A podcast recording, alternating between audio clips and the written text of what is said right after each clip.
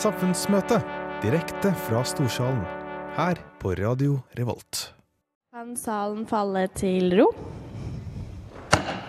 Møtet er satt. På høsten i 2016 så begynte verdens første førerløse bussrute i Lyon.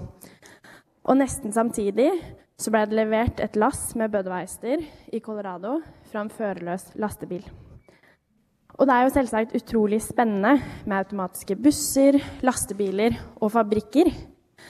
Men det betyr jo også at det er mange arbeidere, bussjåfører, lastebilførere, fabrikkarbeidere og ingeniører som mister jobben.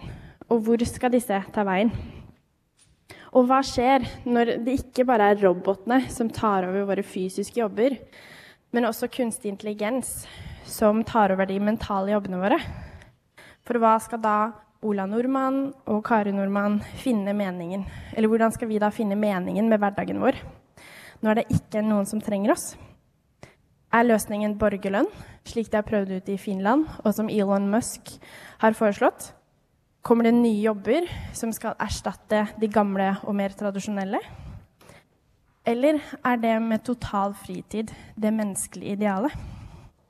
Med oss i kveld har vi Victoria Sparman, som har doktorgrad i økonomi og jobber som forsker i Statistisk sentralbyrå.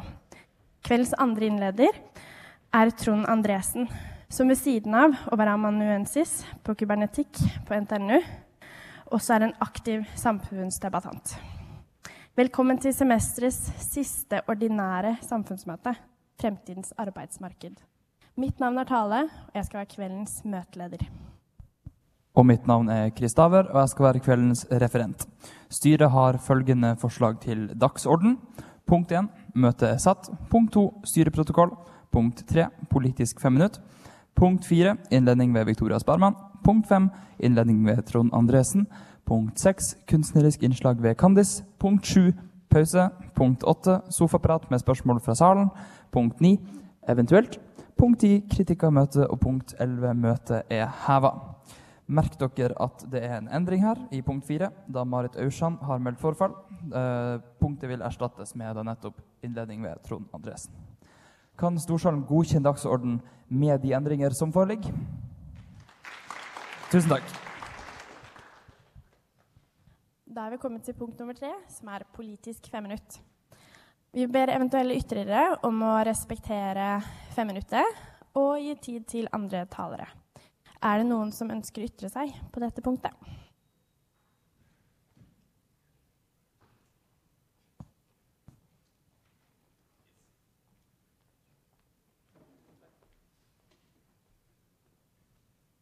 God dagen. Mitt navn er Christian Schultz. Jeg er medlem ved Samfunnet og student ved NTNUs eh, entreprenørskole. Som Tale nevner, så er det jo eh, mye prat om AI og at robotene skal ta over eh, arbeidslivet vårt.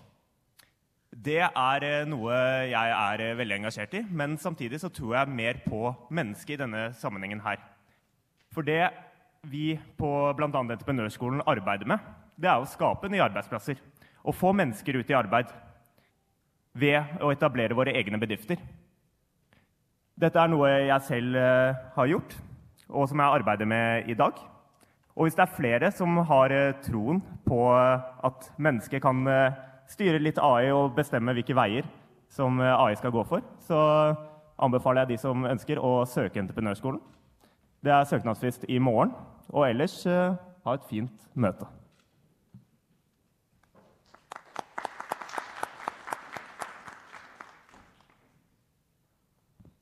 Ærede storsal. Mitt navn er Eivind, og jeg er medlem. Og den siste tiden har det vært mange som har hatt grunn til å feire, ikke minst politikere ymse steder i verden. Vi kan jo f.eks. bare begynne med her hjemme i Trøndelag, hvor eh, en god del i arbeidernes ungdomsfylking eh, har feiret at Arbeiderpartiet etter en god del år, også i det som da tidligere var Nord-Trøndelag, nå endelig innser at oljevirksomhet i et av de mest sårbare naturområdene vi har, kanskje ikke er verdens smarteste idé. Om dette til slutt får flertall på landsmøtet, eller om man ender opp med et nytt kompromiss, det er opp til fremtiden å vise.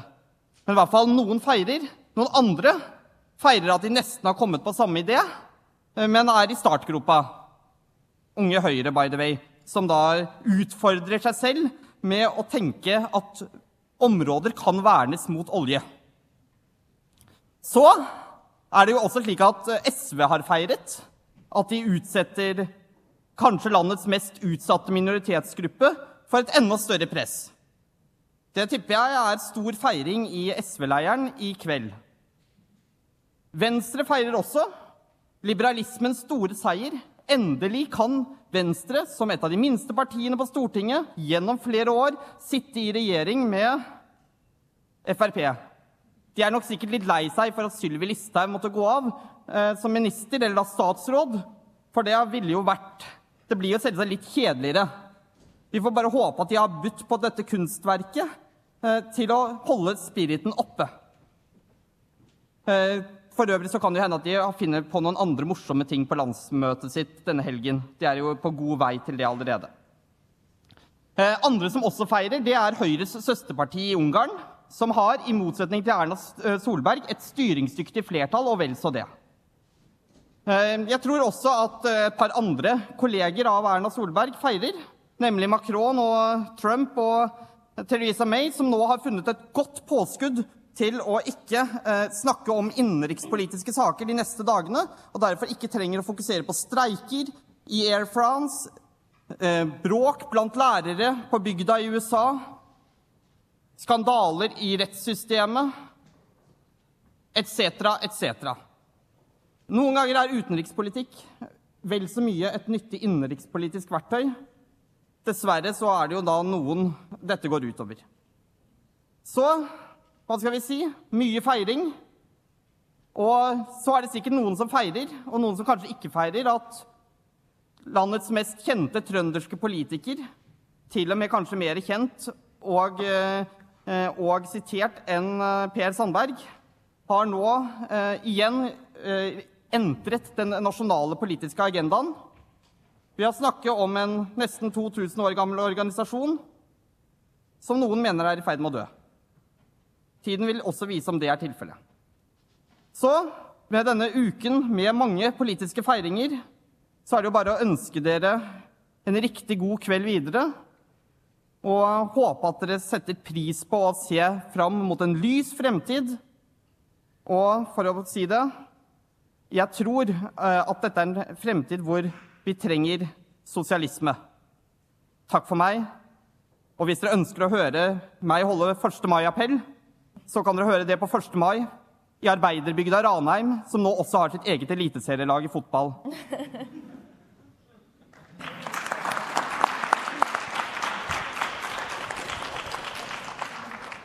Da var fem minutter brukt opp, og vi går videre til punkt nummer fire for kvelden, som er den første innledninga ved Victoria Sparman. Så ta henne godt imot.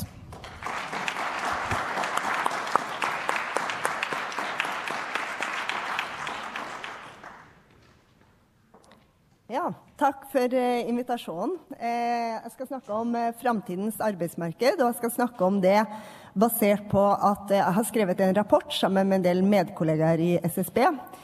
det er en rapport som vi gir ut uh, ca. hvert andre år, og hvor vi beskriver hvordan sysselsettingen vil se ut, og hvordan arbeidsstyrken kommer til å se ut 20 år fram i tid. Eh, for noen av dere er det veldig interessant, fordi at eh, dere gjør sånn som meg. Dere lar eh, veien bli til mens dere går. Og for andre så er det mindre interessant fordi at dere har bare staka dere ut en kurs og har bestemt dere for at det her skal dere gjennomføre uansett. For den første gruppen så kan det være greit å tenke litt på hvordan norsk økonomi kommer til å se ut framover i forhold til hvilken valg av fagkombinasjon dere vil velge. Så til denne debatten kommer yrkene til å bestå. Vi ser veldig aggregert i vår modell, eller i vårt modellapparat. Så vi har eh, fem utdanningsnivåer og 28 eh, utdanningsgrupper. Og jeg kan eh, allerede nå avsløre at vi kommer til å trenge all type utdanning også i framtiden. Hadde vi gått veldig detaljert ned på enten bussjåfører, som det ble nevnt her i, i innledningen, eller andre typer yrkesgrupper, så kan det hende at, uh, at noen av de ville ha forsvunnet. Jeg vil imidlertid helt til slutt uh, komme tilbake til at mot slutten av innledningen at dette er ikke noe helt nytt, men noe som vi har sett eh, også i historien. Så eh, en annen ting eh, det var det at når jeg skulle begynne å komme hit og snakke om eh, høyere utdanning, så tenkte jeg jeg har egentlig et veldig dårlig budskap. Eh, vi kommer til å trenge mindre sivilingeniører, mindre ingeniører, færre med høyere utdanning. Og det er jo ikke et spesielt eh, gladbudskap eh, i forhold til det som finnes i arbeidsstyrken.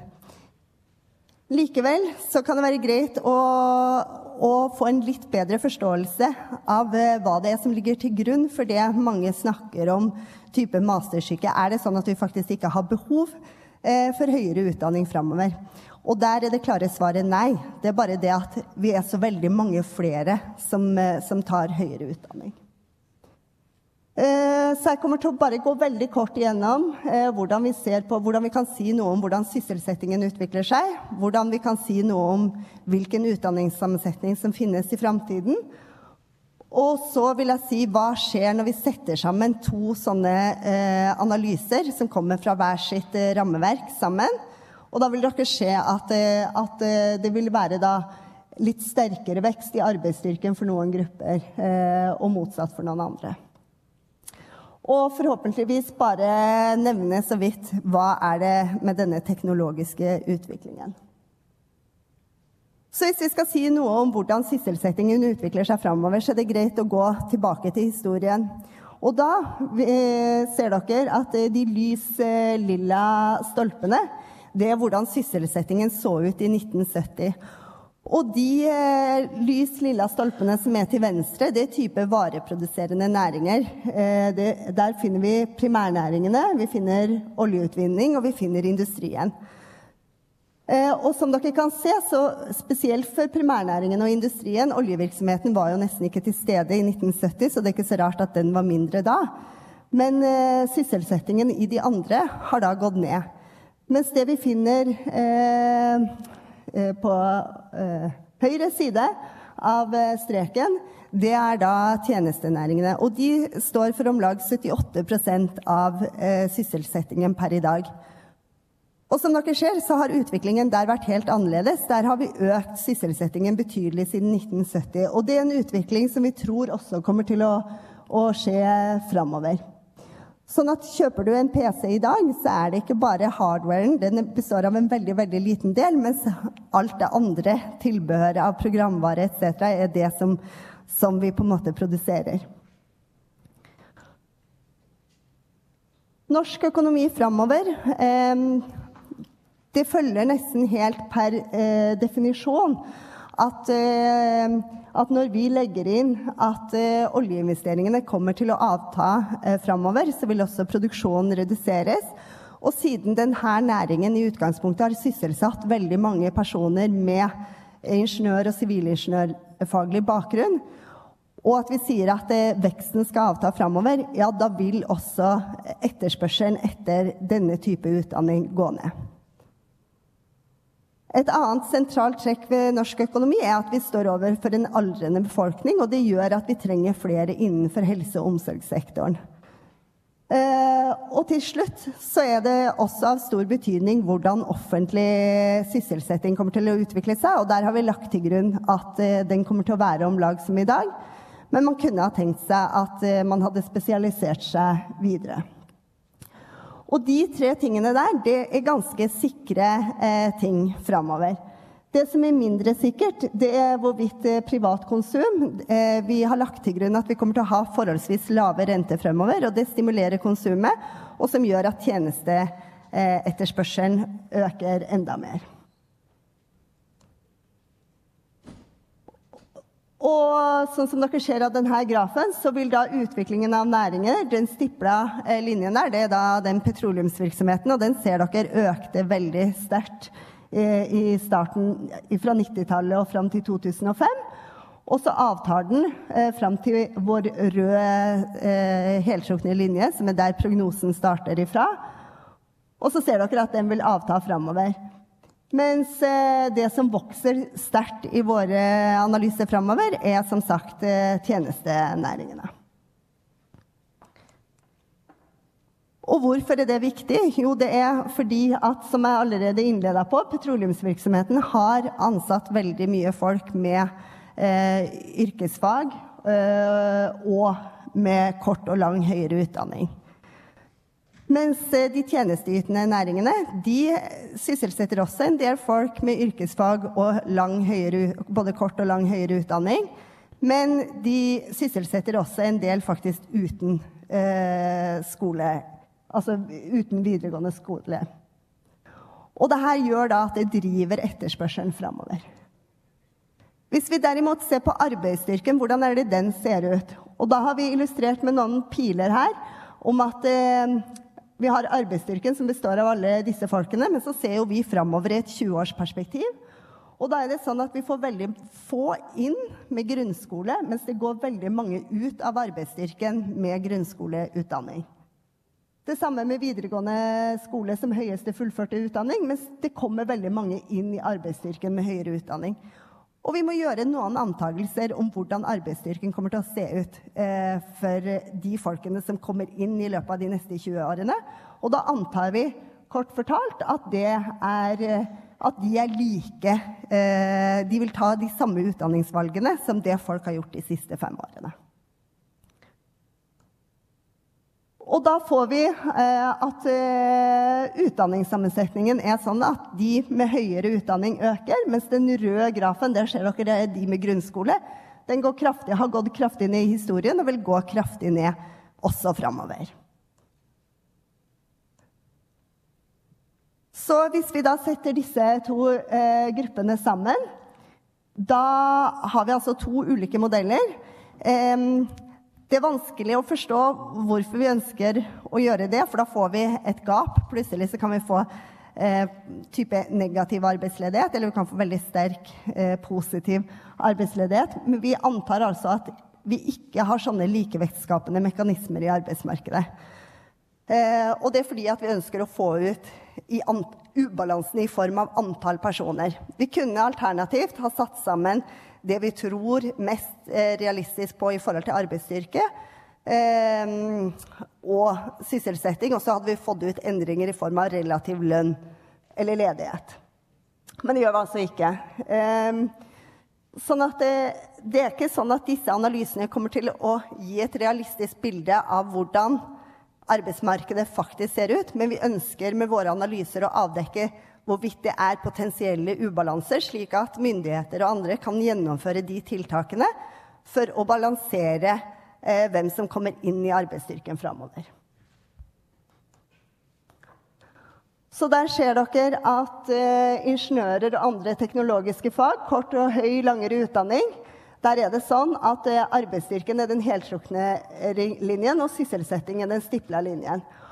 Og da ser dere at eh, i starten her, eh, rett etter at vi la fram prognosen, så ser dere at det er en dipp i, eh, i, sysselsettingsutviklingen.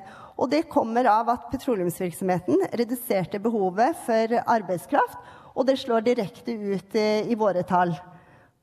Så, men så ser dere at det er en relativt sterk vekst fremover, slik at det er på en måte et vedvarende gap mellom de to. Og eh, vi har jo heller ikke i denne analysen lagt til grunn at f.eks.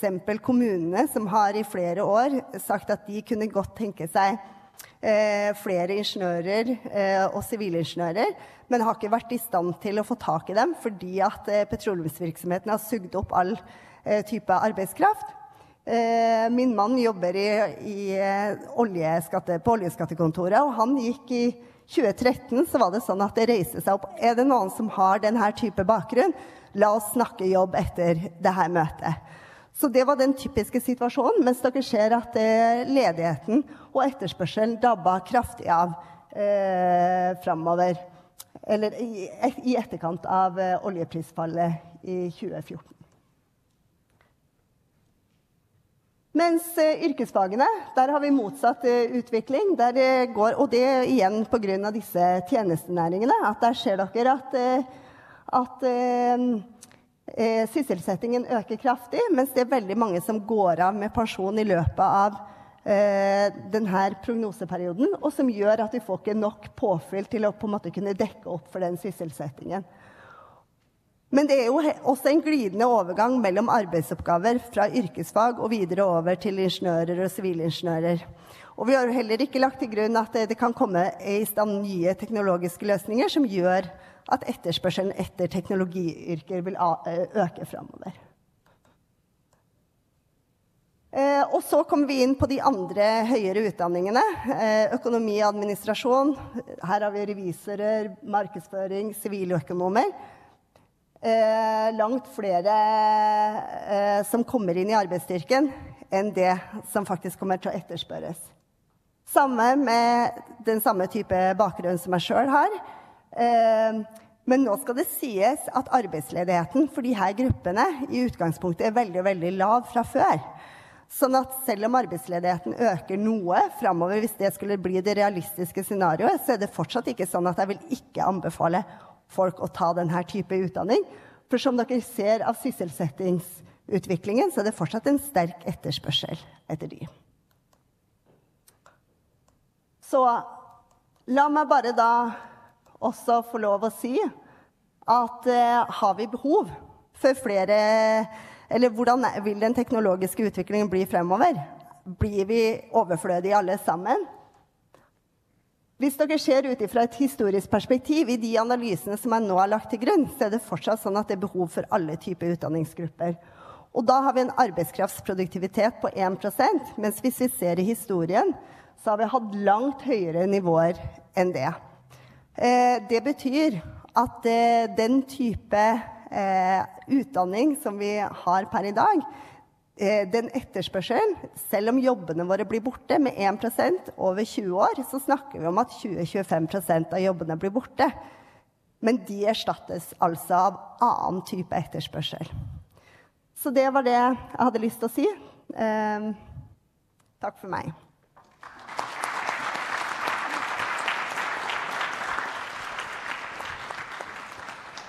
Tusen takk til deg, Victoria. Da er vi klare for kveldens andre innledning, som er ved Trond Andresen. Ta han godt imot.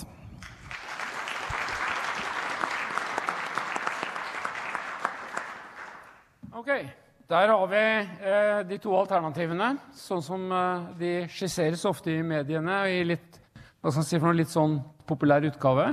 Det første alternativet er journalistene veldig glad i. Jeg er mest glad i det andre. Først må jeg si noe om hva kybernetikk er. For dette handler jo om, om, at vi blir såkalt overflødige, og vi automatiserer alt mulig mellom himmel og jord. Og dette jo, ble grunnlagt et stort sett etter krigen, da Norbert Wiener oppe i hjørnet er en av pionerene. Eh, og det handler om at vi skal styre ting automatisk, som tidligere måtte styres av mennesker. Og her har vi en sånn liten figur. Et eller annet vi ønsker å styre. Fly, skip, robot, eh, kraftverk, elforsyning, termostatstyrt ovn osv. osv. Noe som vi ønsker, men så hender det at det, dingsen ikke oppfører seg sånn som vi vil. Så vi måler, og så sammenligner vi med hva vi ønsker, og så påvirker vi dette greiene her. Og dette er det som kalles tilbakekobling, og som er sentralt i alle automatiske systemer. Bare for å liksom få det unna. Ok. Eh, da skal jeg gå over på denne, dette med framtidas arbeidsmarked og frekke politisk-kybernetiske tanker. Og legg merke til hva jeg gjør nå. Jeg fjerner NTNU, for dette er mine egne ville synspunkter. Så må jeg bare si med en gang at jeg ble eh, eh, taua inn til dette foredraget på morgenkvisten i dag pga. et forfall, så jeg har måttet kopiere og lime og gjøre noe sånn hurtigarbeid. Ok, her har vi et typisk sånn medieoppslag. Dette er jobbene robotene vil overta. Her har vi et annet medieoppslag. Eh, 'Hjelp, robotene tar jobbene våre'. Jeg fikk ikke med meg høyre delen av overskriften. Og dere ser det jeg har uthevet der. Og det er, liksom, det er sånn alarmisme. Eh, Du må lære deg de og de digitale tinga, ellers så blir du overflødig. Og dette er veldig utbredt, og dere har sikkert sett det sjøl i mediene. Dystre utsikter. Men la oss da spole tilbake til et tidspunkt hvor mange av dere ikke var født, nemlig 1995. Og nå kommer det en liten skrift her, så, men jeg skal si hva som står der. Eh, dette her er en konferanse som ble avholdt i 1995, og som eh, to tyske forfattere, Martin og Schumann, skrev om i en bok som heter 'Global Trap', som laget mye oppstyr, og som kom et par år etterpå. Dette her er noe vi kjenner fra i dag også. En sånn konferanse av eh, såkalte alfahanner og noen få alfahunder som skal snakke om verdens framtid og se langt framover. Og sånne greier durer og går hele tida, og fantes også den gangen, i 1995. Og da var det eh, Jeg vet ikke om jeg tør å prøve å uttale det, men Zbigniew Brzezinski, som eh, eh, åpenbart har polsk bakgrunn, og som døde i fjor og som var eh, Jimmy Carters gamle sikkerhetsrådgiver, og som har vært en sånn parhest med Henry Kissinger i sånn geopolitiske spørsmål i alle år. Eh, og han eh, lanserte da på den konferansen som snakket om arbeidslivet i framtida, eh, eh, at vi, vi, vi har en mulig framtid hvor 80% av befolkninga er overflødig. Og dette var i 1995. altså Da var det ikke noen robotrevolusjon eller noe som helst. Og da lanserte han det kreative begrepet tititainment, som da er en kombinasjon av det engelske ordet for pupp, altså tits, og entertainment, som er underholdning. Og ideen var da at hvordan kan vi, ledende skikkelser, maktpersoner i verden, planlegge for denne framtida hvor 80% av befolkninga blir overflødig? Jo, jo, vi må gi dem underholdning og et minimum av inntekt, sånn at vi holder de uvaskede massene i ro. At det ikke blir opprør eller kaos eller revolusjon. Eh, Jeg viser dette her for å indikere at denne prognoseindustrien, hvor kloke hoder kommer sammen globalt for å snakke om framtida, det er ikke noe nytt. Altså, er, sånne ting durer og går hele tida, og derfor er jeg ganske kynisk når det gjelder sånne ting. Ok, dette var altså 22 år tilbake i tid. Nå ser dere at det begynner å bli engelsk, og det er fordi jeg måtte klippe og lime fra en annen powerpoint, hadde dårlig, dårlig tid. Men det går bra. Ok, så nå blir det fortsatt engelsk her. Noen refleksjoner. Eh, ta sånne apokalyptiske framtidsscenarioer med en svær klype salt. Ikke ha Ikke la sånne ting gjøre inntrykk på deg. Altså, eh, ting forandrer seg fortere og fortere. Eh, ting forandrer seg eksponentielt. Toget går nå. Skal vi være med eller ikke? Ikke sant? Eh, ikke tro på sånt. Eh, for, jeg har nemlig hørt det her i 30 år. Og så, dessuten så, er det så negativt, det er så dystert, så hvorfor kan vi ikke heller prøve å snakke positivt om hva vi kan få til med all den der jævla teknologien? Sånn tenker jeg. Så, så er det en ting til, og det er jo det at kynismen i denne visjonen fra 1995 det var liksom at 80% av befolkninga trengs ikke. Vi må bare finne en minimumsløsning for å holde dem i sjakk. Tititainment. Eh, og det liker vi ikke noe særlig. Og jeg liker derfor på grunnlag av den samme tenkninga heller ikke det som kalles borgerlønn eller universal basic income på engelsk, som jo egentlig forteller at Hør nå her. Du trenger ikke gjøre noe som helst. Samfunnet trenger deg ikke. Men du skal få 8000 kroner i måneden for å holde kjeft og ligge i senga på morgenkvisten. Men ingen trenger det. Jeg vil ikke ha et sånt samfunn. For jeg, vil, jeg, mener at vi skal gjøre noe helt annet. Men la oss si litt om hva dette er for noe. Det ble nevnt eh, Finland-forsøket. Det ble foreslått i Sveits og stemt ned i en folkeavstemning. Eh, og uansett om du arbeider eller ikke, så skal du altså få dette her. Jeg som er i jobb, skal også få det. Eh, argumentet for det er jo selvfølgelig det at det, det blir lett å fikse på det sosiale tildelingsbyråkratiet, da, siden alle skal få et visst beløp. Eh, motargument er f.eks. det at eh, hvis du skal få noe fra samfunnet, så bør du også yte litt. Det syns i hvert fall de andre som jobber. Men det viktigste sett med mine øyne er det at det, det, det gjør en stor del av befolkninga til, til ubrukelige, til sånne som har stempel som at det ikke trengs. Og sånn vil ikke jeg ha det, i hvert fall. Det ødelegger også, etter min mening, den som skal leve på den måten. I det lange løpet, i hvert fall. Ok, så hva med mine kolleger? Denne lille engelske sekvensen vi har sett på nå, den laga jeg til et sånt miniforedrag retta mot mine egne kolleger på instituttet. Og det er derfor den er på engelsk, for mange av dem snakker ikke norsk. Eh, og hvordan er vi? Jo, vi er sånn at vi har det så jævlig gøy med teknologien vår at vi er ikke interessert i politikk. Det burde vi være. For det at vi bør ikke la eh, folk som på mange måter er inkompetente når det gjelder teknologi, få lov til å være aleine på arenaen. Jeg sikter da til f.eks. Eh, yrkesgruppa journalister, som jeg ikke skal si noe mer negativt om. Jeg bare nevner det så vidt. Eh, og så har vi da det engelske begrepet 'snakkende hoder', eller 'talking heads', som dere kanskje kjenner til, som, kjenner til, som da synser veldig mye om disse tingene. Eh, så vi som kan en del av de tinga her, vi burde ikke holde oss for gode til å engasjere oss i samfunnsspørsmål og politikk. Eh, men det gjør vi altså ikke. Eh, det er en eh, stor forskjell mellom min yrkesgruppe og folk som jobber på, i humanistiske fag og samfunnsfag. Og det er at de er kjempeglade Det er sikkert noen her som blir fornærma, men de er kjempeglade i å skrive artikler og forske på problemer. Og beskrive problemer. Og, øh, side opp og side ned. Eh, jeg vil forsvare min egen yrkesgruppe og si at når vi snakker, så snakker vi stort sett for at vi skal løse et problem. Og det er en veldig viktig holdning. Og sånt er altfor lite av i samfunnsdebatten. Bare skru på TV-en og se på alle disse eh, debattene som foregår. Folk snakker ikke om løsninger på problemene, de snakker om problemene. Og det er jeg veldig lei av. Viktig forskjell. Så, så vi trengs. Så her kommer da, Dette er min kritikk da, ikke sant, av mine kolleger. Jeg har sagt det direkte til dem også, så jeg sier ikke bare her. Det er ikke baktaling, altså. Ok. Så, så hva, slags, hva slags løsninger er det teknologene burde pushe og kaste seg ut i samfunnsdebatten? Arbeid ut fra det premisset at folk ikke skal ha borgerlønn, men at det er, i prinsippet er bruk for alle. Eh, og denne bussjåføren som mister jobben, eller togføreren altså Jeg regner med at en del av dere har kjørt metroen i København, og der er det jo ikke noe togfører lenger. ikke sant? Så her har vi et eksempel på automatisering i transportsektoren. Eh, denne bussjåføren skal omskoleres og til et eller annet som ikke kan automatiseres.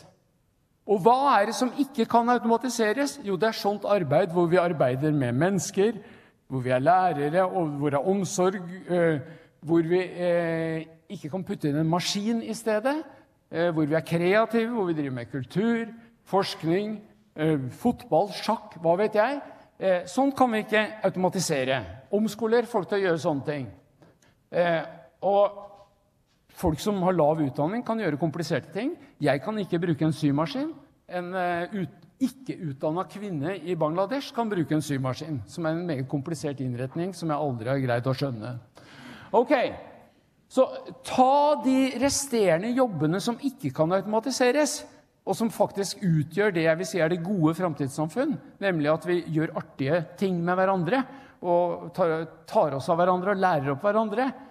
Del på det arbeidet som blir igjen. Og så har du fire dagers uke, og så har du masse ferie og sykelønnsordning og alt mulig rart. Og, og det er det gode framtidssamfunnet. Og det må vi snakke om! Istedenfor hele tida å drive og gnåle på at robotene kommer og tar jobbene våre. Ok, Kartlegg alle slags jobber som kan bli betalte jobber i dette nye samfunnet, men som ikke er det i dag. Altså, Bussjåføren kan utdanne seg til en jobb hvor han lærer unger å klatre i fjellet eller å ri på hest. Sånne jobber har vi ikke i dag. Og så videre. Dere skjønner hvor jeg vil hen. Eh, trapp opp eh, Jeg må se hva som står her. Du har økologisk eh, gjenreising da, av, av, natur som er skada. Og du kan ha økologisk dyrkede gulrøtter og hva vet jeg, som, som ikke er mulig i dag. Men håndverk, båtbygging, hva vet jeg. Sånne ting som, som vi kan gjøre, og som ikke eh, er betalt arbeid i dag. Også denne berømmelige firedagersuka og femtimers arbeidsdager. Det er veien min å gå. Og si høyt og tydelig at automatisering utført på den måten der ikke er menneskefiendtlig, men er, et, er, noe som kan brukes til å skape et godt samfunn.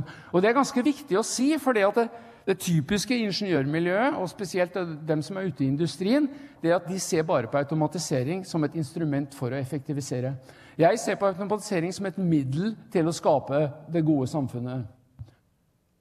Eh, og så har du to elefanter i rommet som ikke kommer opp i denne debatten. Jeg er ferdig om kort øyeblikk nå. Eh, det ene det er at de som diskuterer dette, her, altså de snakkende hodene, skravleklassen for å bruke det uttrykket, de mener at de store massene egentlig er for dumme til å kunne fungere i yrkeslivet i et moderne, høyteknologisk samfunn. De sier ikke det direkte, men det skinner igjennom. Eh, disse folka som synser i mediene og i debattene og på, i akademiske institusjoner om disse tingene, de regner sjøl med at de ikke blir overflødige. Men de snakker da om de uvaskede massene der nede, som rett og slett eh, er 80% som skal få tititainment. Jeg sier det brutalt, de sier det selvsagt på en mye mer eh, dannet eller de sier ikke det hele tatt. Så eh, min egen erfaring da, Jeg har jobba noen år som elektriker i, på Trondheims Mekaniske Verksted, det som nå misvisende heter Solsiden. Eh, og min egen erfaring er det at vanlige arbeidsfolk er eh, eh, svært så mye smartere enn det de snakkende hodene og akademikerne på TV tror. Så dette her er på en måte min måte å tenke på om framtida. Takk for meg.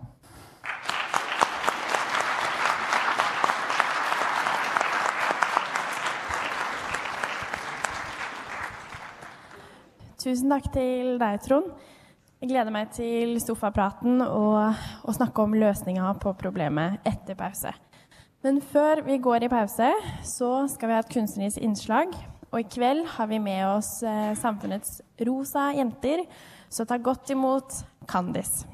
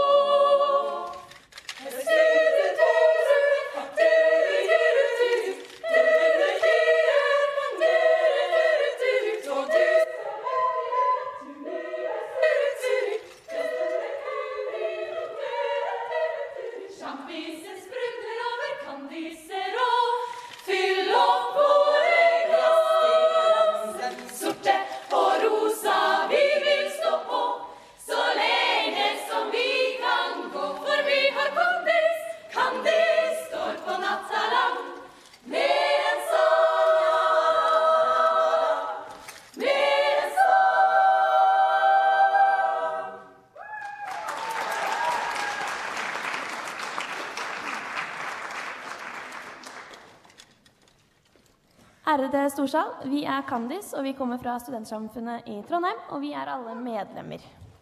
Eh, hvordan arbeidsmarkedet utvikler seg hele tiden, det er veldig eh, spennende. Og vi tenkte at vi skulle ta dere med tilbake til 80-tallet, hvor eh, arbeidsmarkedet var preget av at eh, kvinnene prøvde å få like rettigheter som mannfolka i, ar ja, i arbeid. Så kan de synger NTH Lave.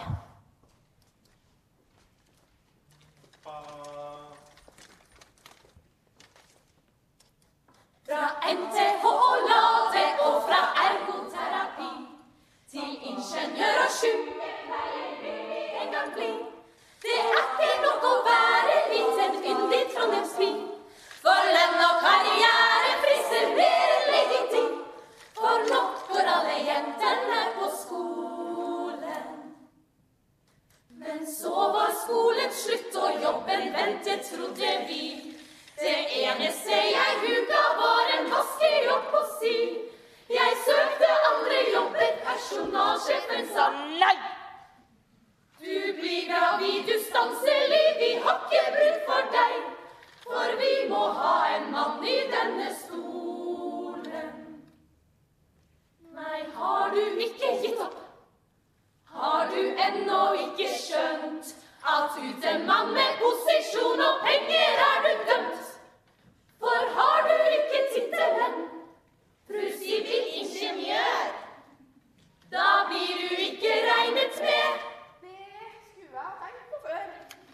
Du kaster bort din ungdom der på skolen. Nei, kom igjen nå, jenter, dette her går ikke an. Snart må da alle innse vi har like god forstand som mannen som fikk posisjon på grunn av dette skjønn. Av utdanning er like bra, nå krever vi litt lønn. La jentene få plassen der i solen. At piker vil og sang, det hører sammen, har vi hørt. Det brukes ofte som refreng, men vi blir aldri spurt. Nå vil vi synge sangen sjøl og drikke whisky bar. Det eneste vi ikke fikser, det er å bli far. Men jobber nå med saken her på skolen.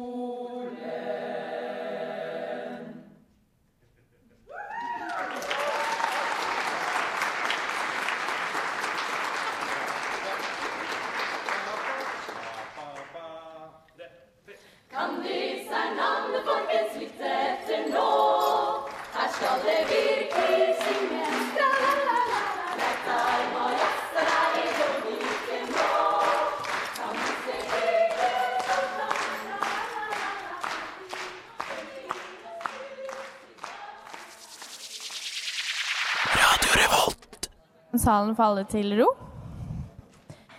Da er vi klare for kveldens punkt nummer åtte, som er sofaprat med spørsmål fra salen. Eh, Jan Henrik fra styret skal være ordstyrer og ha med seg Trond og Victoria i sofaen. Vi har nå åpna talerlista, så de som ønsker å stille spørsmål underveis, kan skrive seg opp hos Synnøve. Hun sitter ved siden av talerstolen. Eh, Vi sier ifra hvis vi ønsker å stenge talerlista. Da er det ditt ord, Jan Henrik. Tusen takk, Tale, og tusen takk for to eh, flotte og veldig interessante innledninger. Eh, to ganske ulike perspektiver på et ganske lignende tema. Men det jeg tenkte å starte med først, var noe som var veldig dagsaktuelt i dag. Fordi i morgen, hvis jeg husker riktig, så er det 15. april, og fristen går ut for å søke opptak til høyere utdanning i samordna opptak.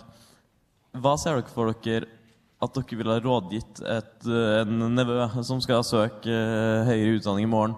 Hvor burde han gå for å være sikker på, at han har en god og trygg jobb i fremtida? Eh, Ja, jeg, jeg, vil jo da si at det, det vi helt Da må du jo snakke om hva er en god og trygg jobb først. Hvis du skal være sikra en jobb i framtiden, og den skal være stabil, så kan det jo være sånn at den skal være stabil også over konjunktursvingninger. Eh, fordi at økonomien stadig vekk er utsatt for sjokk. Og hvis det er det du er opptatt av, eh, at du skal ha jobbsikkerhet eh, framover eh, til alle tider, så vil jeg jo si at utfordringene innenfor helse- og omsorgssektoren kommer til å bli såpass store at jeg tror at det er uunngåelig å se at det vil være det absolutt sikreste valget å søke deg innenfor sykepleie, lege etc. Og da ikke bare innenfor helse- og omsorgssektoren, men da eh, innenfor områder som er direkte knytta opp mot en- eldrebølgen. Fordi her ser vi også i tillegg at eh, eh, andre land står overfor de samme utfordringene som det vi gjør. Sånn at det vil heller ikke være enkelt å kunne importere den type arbeidskraft til Norge i framtiden. Når jeg så på de der grafene dine mellom sysselsetting og arbeidskraft, så så det jo ganske dystert ut for veldig mange utdanningsgrupper, inkludert eh, min kjære sivilingeniørutdanning. Så eh, hvordan skal jeg være sikker på at jeg får jobbe i fremtida som utdanner meg som sivilingeniør nå? Ja, sånn som jeg snakka litt om eh, i innledningen også, så er det klart at den eh, analysen baserer seg på eh, at vi regner med at petroleumsvirksomheten skal avta. Eh, nå kan ikke jeg alt om eh, ingeniør- og sivilingeniørutdanning, men eh, jeg vet at det, det finnes eh, mange ulike retninger å gå, eh, og veldig mange fagkombinasjoner innenfor den utdanningsretningen. Sånn at eh, enten så vil jeg sørge for å bli utrolig dyktig eh, innenfor petroleumsnæringen, eller eh, anta at eh, vi tar feil, petroleumsnæringen skal ikke ned, eller jeg vil søke meg jobb i andre land som har tilsvarende. Eller så ville jeg ha valgt en litt annen fagkombinasjon, å, og så ville jeg da ha tenkt at det eh, kommer til å sikre meg jobb i fremtiden. Og hvilke utdanningsretninger tror du da er størst i fare for å bli helt borte? Eller eh, mest utsatt for automatisering framover da, av det som i dag er høyere utdanning? Eh, Basert på de utdanningsgruppene som vi eh, ser på, så er det såpass store grupper at der er det ikke Det er ingen som blir automatisert. Ehm, Og jeg tror heller ikke Altså Innenfor transportsektoren så har vi snakka om at det er en del yrker som blir borte. Eh, Men jeg tror mye mer på at det heller er en sånn dynamisk utvikling hvor enkelte arbeidsoppgaver blir borte.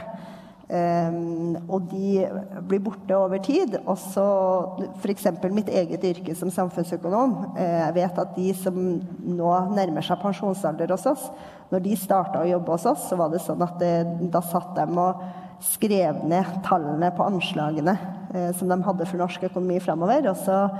Ga dem den til en dame som gikk og videre og fikk simulert den modellen. Mens nå sitter vi og simulerer eh, og gjør disse tingene sjøl. Sånn at det, jeg tror at, det, at det er ikke sånn at eh, samfunnsøkonomjobben ble borte, men det er det at arbeidsoppgavene innenfor den utdanningsgruppen endrer seg over tid. Og det her går gradvis.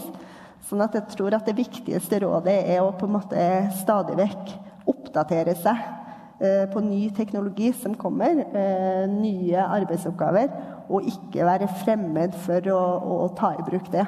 Det vil sikre deg jobb. Eh, ja.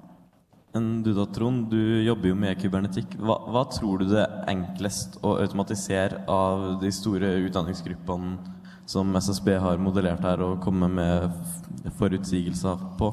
Altså, du mener som, som kan automatiseres bort?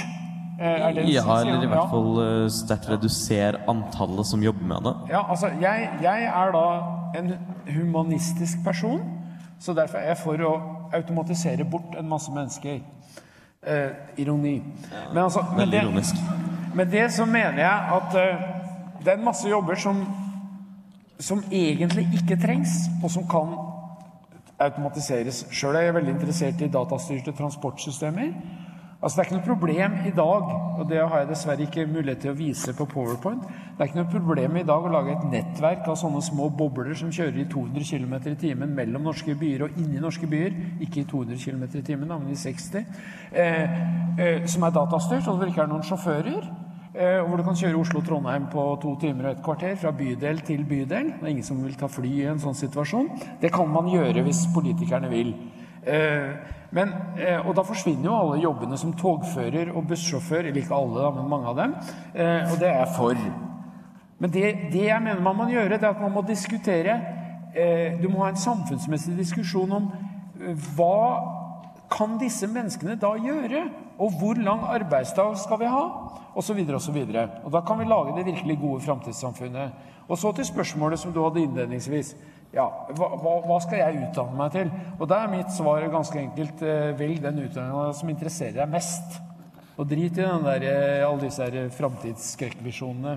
Og så etter hvert så justerer du litt på hva du foretar deg, når du ser hvordan det går og hvor jobbene åpner seg. Hvis du er sivilingeniør og ikke får jobb, så kan du kanskje bli lærer i realfag. Og det er det en god del folk som blir. Og det er jo meningsfylt og en relativt sikker eh, framtid også. Eh, Så jeg eh, Og nå har jo dere som sitter her, har jo allerede valgt, altså dere er jo låst fast uansett. ja. Eh, tror du vi i fremtida kommer til å ha like mange som tar høyere utdanning? Eller flere? Eller færre? For det, det skrives jo ganske jevnt om den her såkalte mastersyken. Men det ser jo ut til at det er mye lavere arbeidsledighet blant de fleste som har tatt høyere utdanning, enn de som ikke har det. Uh, tror dere flere kommer til å utdanne seg på masternivå? Altså, jeg, jeg mener at mastersjuken er eh, et fornuftig uh, hva skal jeg si for noe skjellsord i debatten. Så jeg vil ha mer jordnær yrkesutdanning og, og treårig utdanning. Og, og ikke så mye sånn produksjon av papers og publisering og sånt nå. Så jeg mener at det er en ulykke f.eks. at våre distriktshøgskoler nå desperat alle sammen prøver å bli universiteter. Og erfarne sykepleiere som underviser som høyskolelektorer, eh, også på førskolelærerutdanning, eh, sitter der og skal kverne ut av seg en sånn akademisk babbel på nivå 1 og 2, istedenfor å overføre sin verdifulle praktiske arbeidskunnskap. Sånn at jeg er, jeg er fascinert av den sveitsiske utdanningsmodellen, som er at elevene Du er møkka lei av skolen når du er ferdig med ungdomsskolen. Du går ut i arbeidslivet, i industrien, og lærer et fag. Og hvis du er forholdsvis glup, så går du tilbake til universitetet og fortsetter der og blir master i et eller annet. Så jeg, jeg er helt enig i at mastersyken er reell, og at det er for mye akademisering i samfunnet. Og i framtidssamfunnet så trenger vi folk med eh, skarpe huer som kan gjøre praktiske eh, ting, løse problemer, og ikke pratmakere. Så det er mitt syn. Men er det ikke litt eh, bortkasta, kan du si, da, at de, de aller, aller smarteste jobber på gulvet i en fabrikk eller i industrien eller noe sånt, når de kunne ha utdanna de til å bli eh, sivilingeniører eller hva nå enn de skulle bli i Sveits, med en gang, så hadde du fått flere aktive yrkesår for den uh, utdanningsinvesteringa? Ja, også, ok, Hvis du er møkka lei av skolen da, når du er ferdig med vår ungdomsskole, og så er du tre år ute i arbeidslivet og lærer ganske mye der, i en bedrift eller noe sånt, og så går du tilbake på universitetet, det tror jeg er veldig bra. Veldig sunt for mange. Men du sier at du tror mastersyken er noenlunde et eh, ganske korrekt begrep. Men er det ikke slik at når vi automatiserer flere og flere ting, så kommer vi til å ha mer og mer komplekse oppgaver som må gjøres? At istedenfor når man skal styre de her maskinene, da, istedenfor å styre enklere systemer, så trenger vi enda mange flere som har den her eh, høye akademiske kompetansen. da. Nei.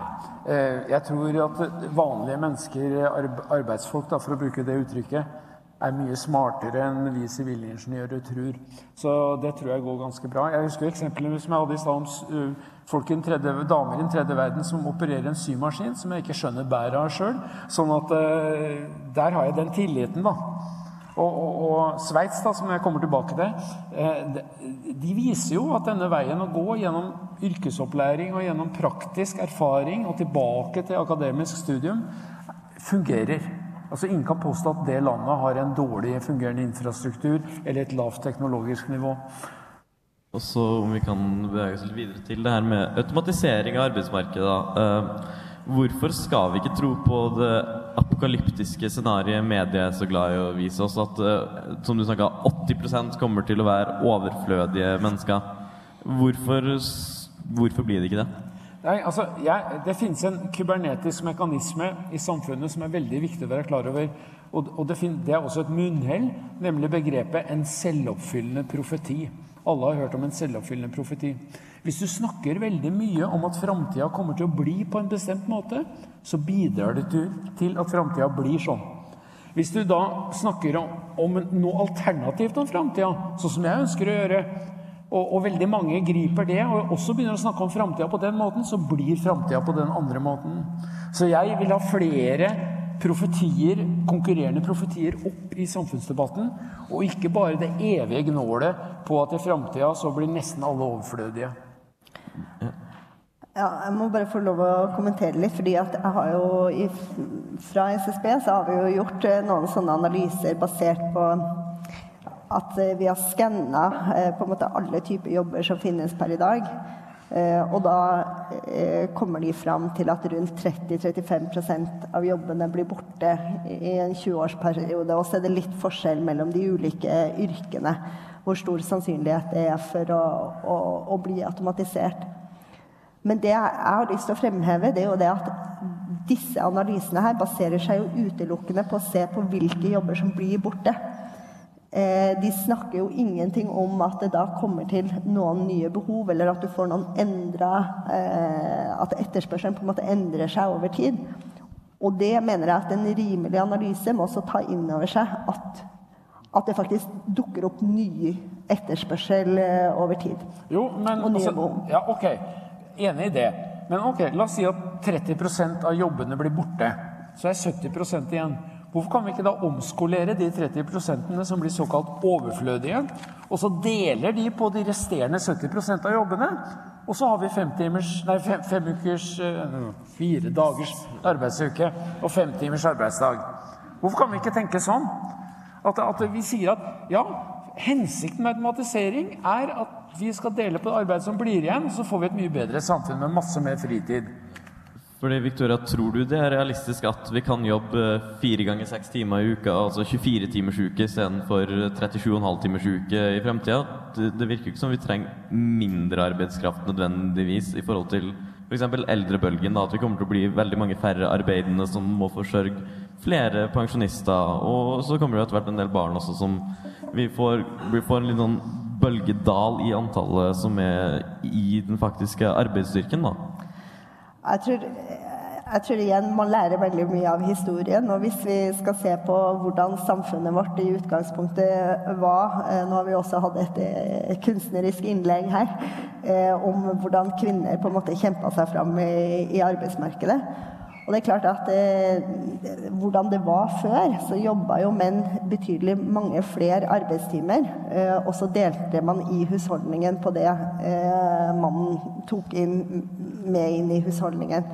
Mens per i dag så jobber jo alle eh, mye mindre, og vi har hatt en nedadgående trend i antall timer. sånn at jeg tror litt på en måte at at her igjen så eh, Per i dag så har vi i hvert fall et samfunn som på en måte tar inn over seg at eh, ja, sysselsettingen holder seg oppe, og vi har en høy yrkesdeltakelse, men hver og en jobber litt mindre enn det vi gjorde tidligere.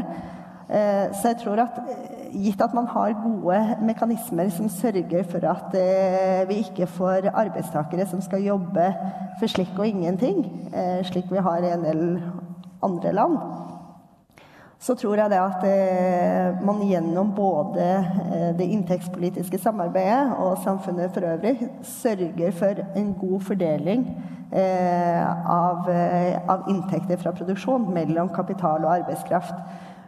og at de da som jobber, også får en god fordeling av de inntektene. Så ja. Og da kan Vilde begynne å stille sitt spørsmål. Hæ?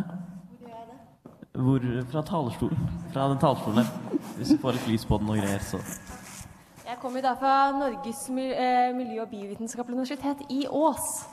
Eh, og der har vi da ikke sånn fancy lys som gjør at du ikke ser publikum. Eh, bortsett fra det så kommer jeg også fra Arbeiderpartiets studentlag. Eh, og leder det nasjonalt, og vi er jo her i dag, for vi lurer jo utrolig på hvordan fremtidens arbeidsmarked skal være. Men ikke bare hvordan vi skal jobbe, men også hvilket samfunn vi skal leve i. Så Derfor er mitt spørsmål til panelet er hvordan skal framtidens arbeidsmarked finansiere den norske velferdsstaten? Tusen takk. Tusen takk for et uh, godt spørsmål. Hvem har lyst til å begynne på det? Har du, har du Victoria?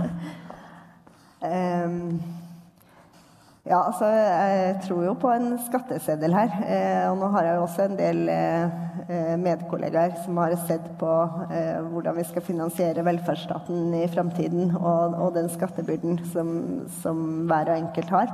Eh, men jeg tror, eh, jeg tror kanskje at det er litt den oppfølgingen som jeg snakka om. At jeg tror på både en, en høy skatteseddel og jeg tror på en om, altså, en fordeling av arbeidsinntekt gjennom et inntektspolitisk samarbeid hvor man sørger for at eh, ikke veldig lavproduktive jobber får lov å, å, å, eksistere, og at man da på den måten får et, et gulv. Mm. Og eh, Trond, du snakker litt om at folk skal over i litt mer kreative yrker, og yrker som er mer basert på menneske-til-menneske-kontakt.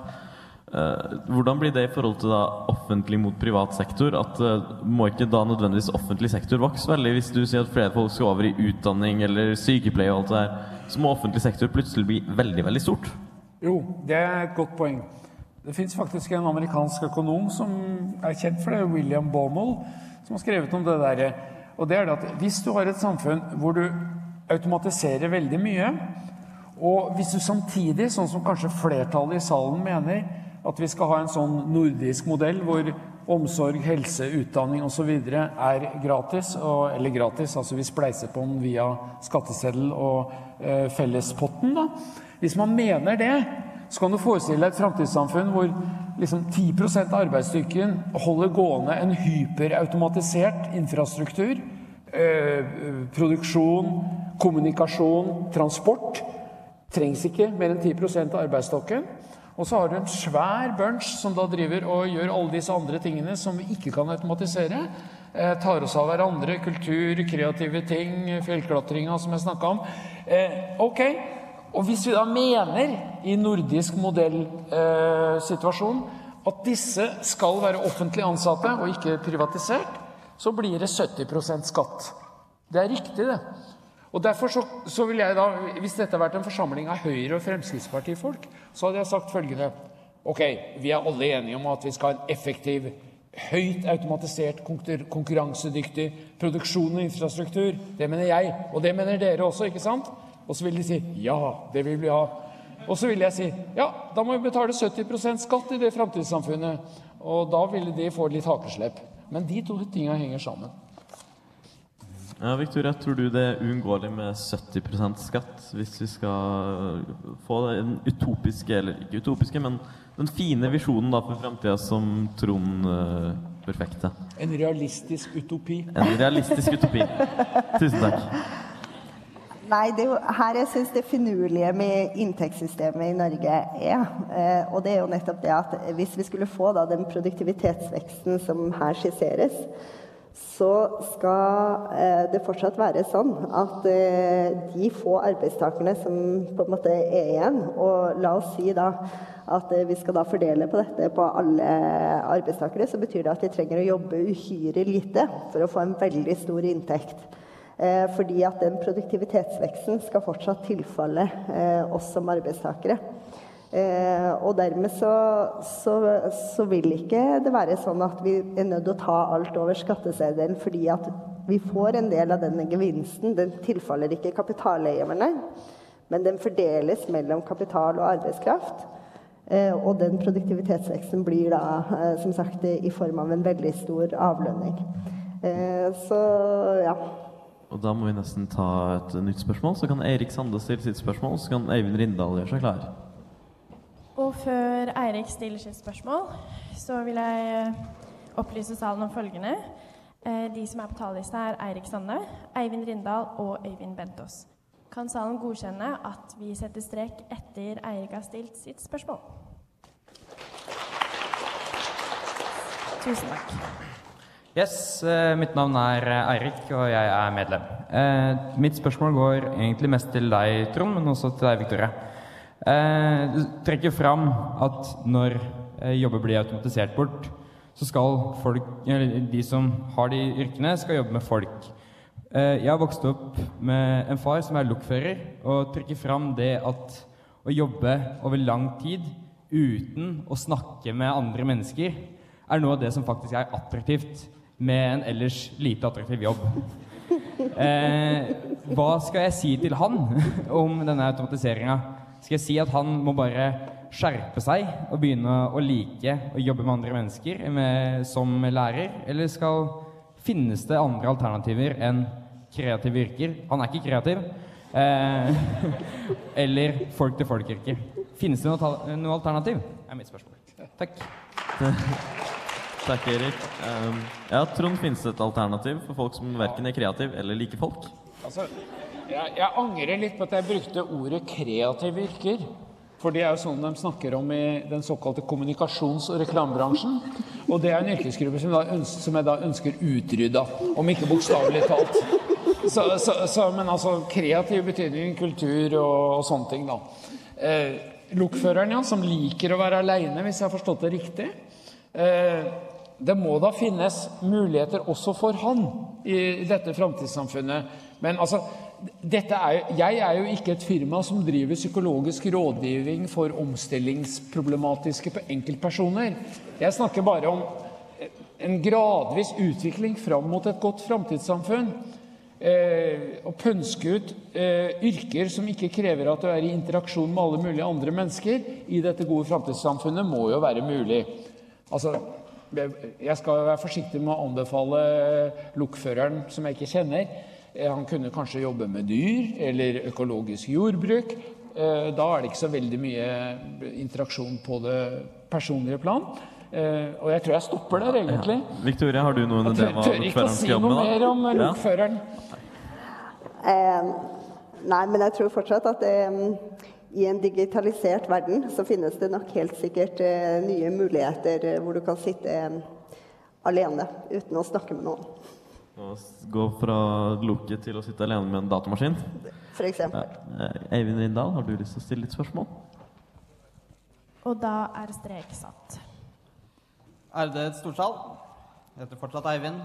Og denne samtalen har jo stort sett dreid seg rundt, øh, og det var jo også litt øh, i på en måte formuleringene, uh, Norge og vår situasjon her. Norge er jo et av verdens, på et vis, mest, øh, blant de mest digitaliserte, automatiserte og mekaniserte samfunnene.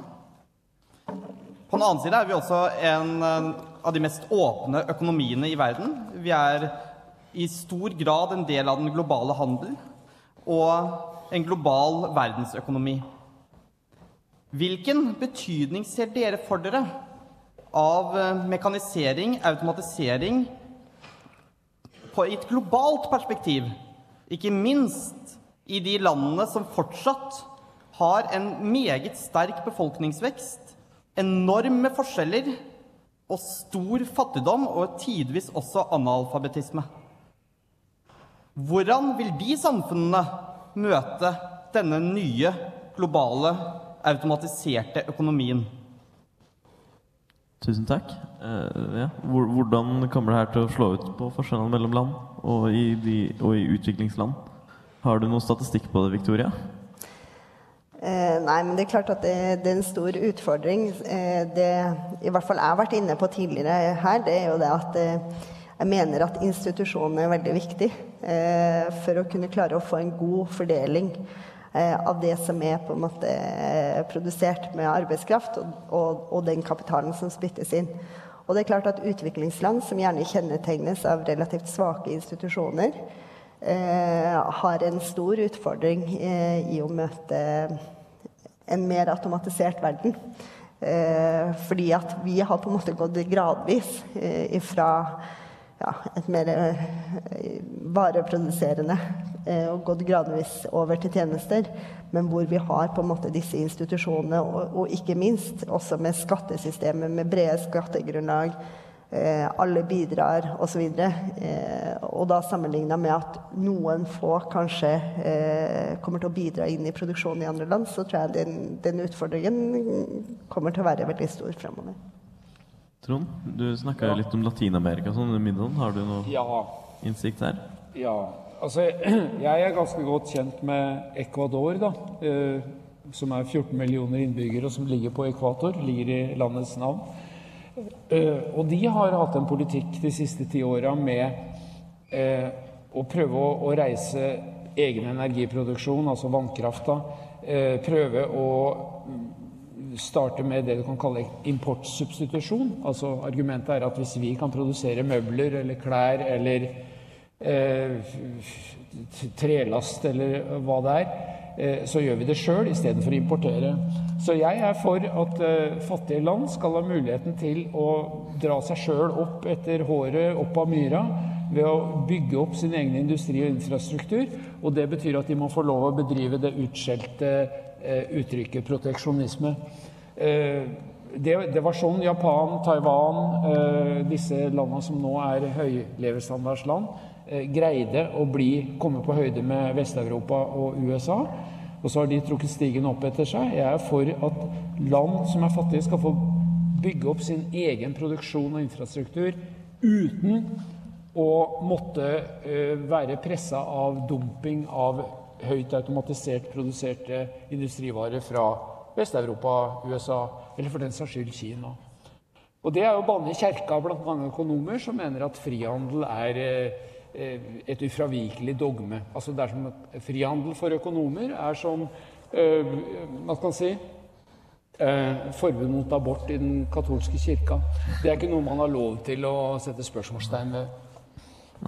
Um, Øyvind Bentås, kan du komme og stille ditt spørsmål?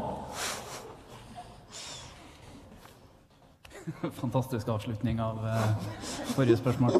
Ærede samfunnsmøte, mitt navn er Øyvind Bentås. Um, Samtidig som vi opplever økt arbeidsledighet og eh, ja, som du var inne på, media skaper et bilde av at nå går det til helvete, så eh, ser vi jo at vi har jo behov for en enorm arbeidsinnvandring. Eh, deler, altså enkelte sektorer i Norge er helt avhengig av det. Distrikter i Norge er òg helt avhengig av arbeidsinnvandring. Samtidig som det sitter flere og flere arbeidsledige rundt omkring i landet. Så er det sånn at vi har det for godt på trygdeytelser og sånt? Eller burde vi faktisk kreve at folk er litt mer mobile for å fylle arbeidsplasser der det faktisk er behov for arbeidskraft? Takk. Tusen takk. Ja, det å si at folk har det for godt på trygd, det er vel vanskelig å overbevise kommunisten om, men Eh, Jeg er ikke helt sikker på om jeg oppfatta spørsmålet. Kan... Uh, Ja, eh, Øyvind, har du lyst til å gjenta litt? Altså, vi, vi har skrikende behov for arbeidskraft enkelte plasser i landet, mens at andre plasser har vi stor arbeidsledighet. Burde folk være villige til å flytte mer på, med, på seg, og burde folk òg tvinges til å gjøre det for å fylle arbeidsplasser der det er arbeidsplasser tilgjengelig? Ja. Altså For det første så mener jeg at vi ikke har noe skrikende behov for arbeidsinnvandring. Eh, Men det vi må gjøre, er å betale en del lavtlønte jobber så godt at eh, eh, norske folk finner det attraktivt. Eh, Så jeg er helt mot eh, masseinnvandring med det argumentet at vi mangler arbeidskraft. Eh, Så Men kan du snakke litt om det med distrikt, og hvorvidt ja, folk altså- ikke er altså, villige til å flytte på seg? Når det gjelder distriktene, så er det jo bare for norske myndigheter å gjøre det veldig mye mer økonomisk attraktivt å bosette seg i, ute i Distrikts-Norge. Men det får ikke norske myndigheter lov av eh, av eh, noe som har tre bokstaver, og som heter ESA, eller EØS. Og da er vi i gang med en EØS-debatt, og jeg er da en Ja, nei, det må vi holde oss unna. Victoria, Ja, ja. Um, har SSB gjort noen studier på hvorvidt folk er uvillige eller villige til å flytte på seg? Og er det faktisk sånn at det er flere arbeidsplasser å få på bygda?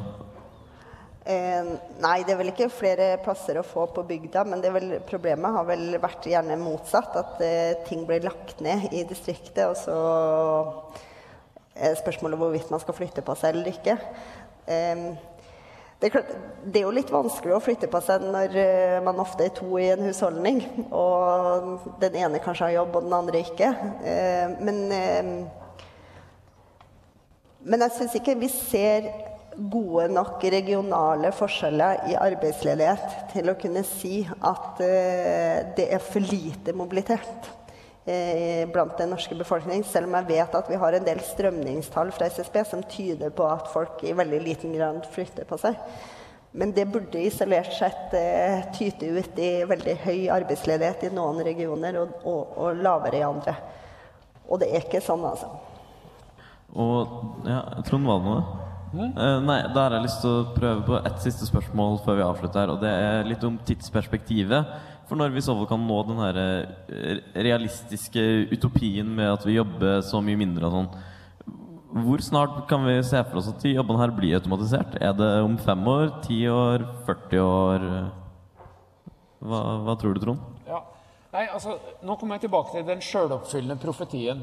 Hvis man snakker om hva man vil gjøre, så vil det fortone seg mer og mer som mulig å gjøre, og så vil det bli gjort. Men når man ikke snakker om det, altså hvis man snakker om at vi skal ha seks timers arbeidsdag f.eks., som noen minoriteter i Norge, politiske minoriteter, har snakka om i 30 år, eller noe sånt, så får vi en seks timers arbeidsdag. Eller for småbarnsforeldre, kanskje først og fremst, til å begynne med. Eh, fordi det er veldig hardt å være småbarnsforeldre og jobbe normal 7,5 times arbeidsdag. Så, så jeg vil ha eh, jeg, jeg krever ikke mer enn at det skal være mulig å få fram flere scenarioer for hvor vi skal gå i framtida. Og hvis vi da får det jeg vil ha scenarioer Men når du sier framtid nå, hvor, hvor, ja, langt nei, fram altså snakker vi? det er, Sett med mine øyne så skulle vi ha kommet veldig langt på 20 år. Ikke to, jeg trenger ikke 200 år for dette. her. Men det er et spørsmål om politisk vilje, og at de snakkende hodene som kontrollerer mediene, tillater sånne debatter. Det er mitt syn. Og Victoria, da? Ja, når, når har vi sekstimersdag? Eh, nei, jeg tror ikke at vi kommer til å få en sekstimersdag. Jeg kunne godt tenke meg at det, det skjedde litt eh, tidligere. Men eh, jeg tror at eh, Nei, jeg tror ikke, jeg tror ikke, ikke før jeg når pensjonsalder. Tror jeg. Seks- Sekstimersdag? Nei, det tror jeg ikke. Og du som er så ung. Ja, jeg skal nevne at Trond trodde Victoria satt i samfunnsstyret og var student fortsatt. Så, Eh, men med det, tusen takk for en hyggelig prat, og takk for superinnledninga.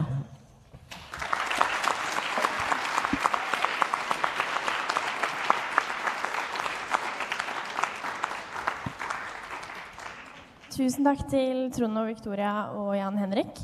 Og så håper vi dere blir med å fortsette praten på Politisk nachspiel, som er på selskapssiden etter møtet er ferdig.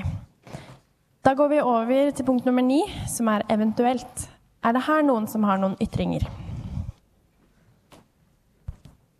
Ja, ærede storsal. Mitt navn er fortsatt Eirik, og jeg er fortsatt eh, medlem. Eh, I tillegg så er jeg eh, påtroppende leder av Studentersamfunnet i Trondheim. Og vi har eh, for tida et pågående opptak til styrets debattkomité. Hvis du har lyst til å være med og arrangere eh, samfunnsmøter, onsdagsdebatter og andre politiske arrangementer på Samfunnet eller i regi av Samfunnet, så vil jeg gjerne at du søker eh, til styret-2018 at samfunnet.no innen fredag 20. april klokken 23.59. Tusen takk.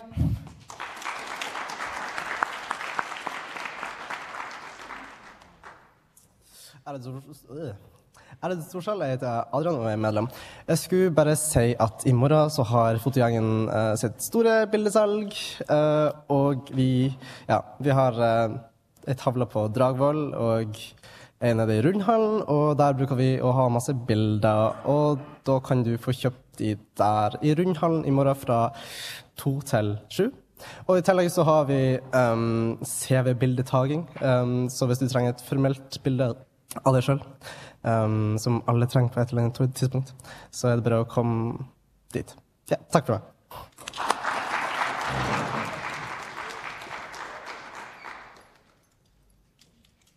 Ærede Storsal. Jeg heter Torkil Kars. Jeg er medlem. Jeg er også leder i Arbeiderpartiets studentlag her i Trondheim. Hvis det er noen her som har lyst til å engasjere seg i spørsmål sånn som de som blir stilt i dag, så er det bare å snakke med oss. Vi er flere som sitter i salen og det er også mulig å bli medlem.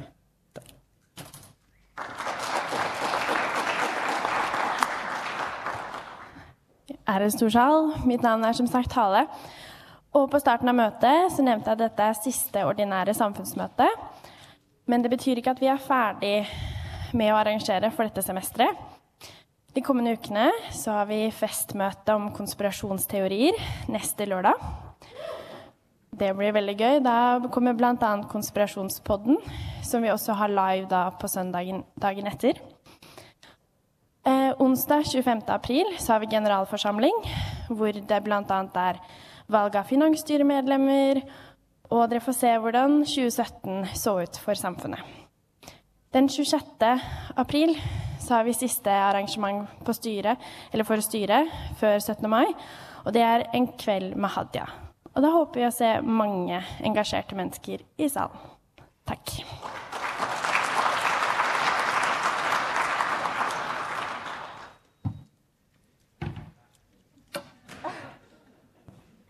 Ærede Storsal, mitt navn er Gabriel Kvikstad, og jeg er medlem.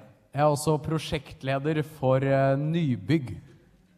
Eh, vi har ønsket oss nybygg i 60 år, og da fantes veldig mange som har hatt den stillingen jeg har. Eh, men vi har fremdeles ikke noe nybygg. Eh, til nå så har vi dette her. Eh, men det er sånn at vi er nærmere enn noensinne. Og vi har kommet inn i den fasen at hvis alt går som det skal, så må vi få inn eh, behov og kartlegge de behovene studentmassen har for hva som skal være inni dette bygget. Og til det så trenger vi deres hjelp.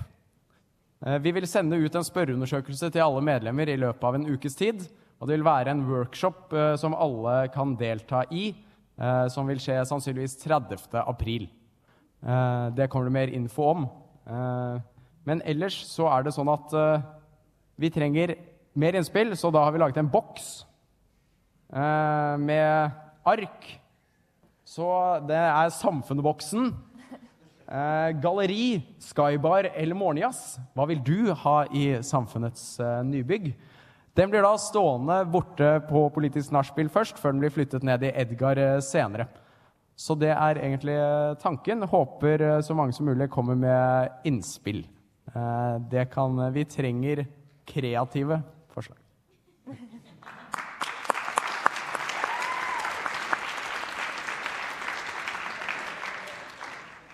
Da det ikke ser ut til å være flere ytringer på dette punktet, går vi videre til punkt nummer ti, som er kritikk av møtet.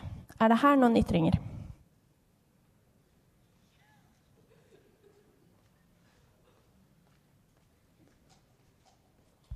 Ærede Storsal. eh, Jeg vil bare rette litt oppmerksomhet om at jeg syns det er eh, unødvendig kanskje å si om man er medlem eller ikke, for jeg tror kanskje ikke spørsmålet er noe mer verdt om eh, det er et medlem som stiller det eller ikke. Eventuelt kan styret kanskje si om de syns det, men jeg håper da at eh, enten sittende eller neste styre kan fjerne den praksisen da, hvor man sier at man er medlem. Fordi jeg tror det kanskje er eh, greit å likestille alle som kommer opp på talerstolen. Takk.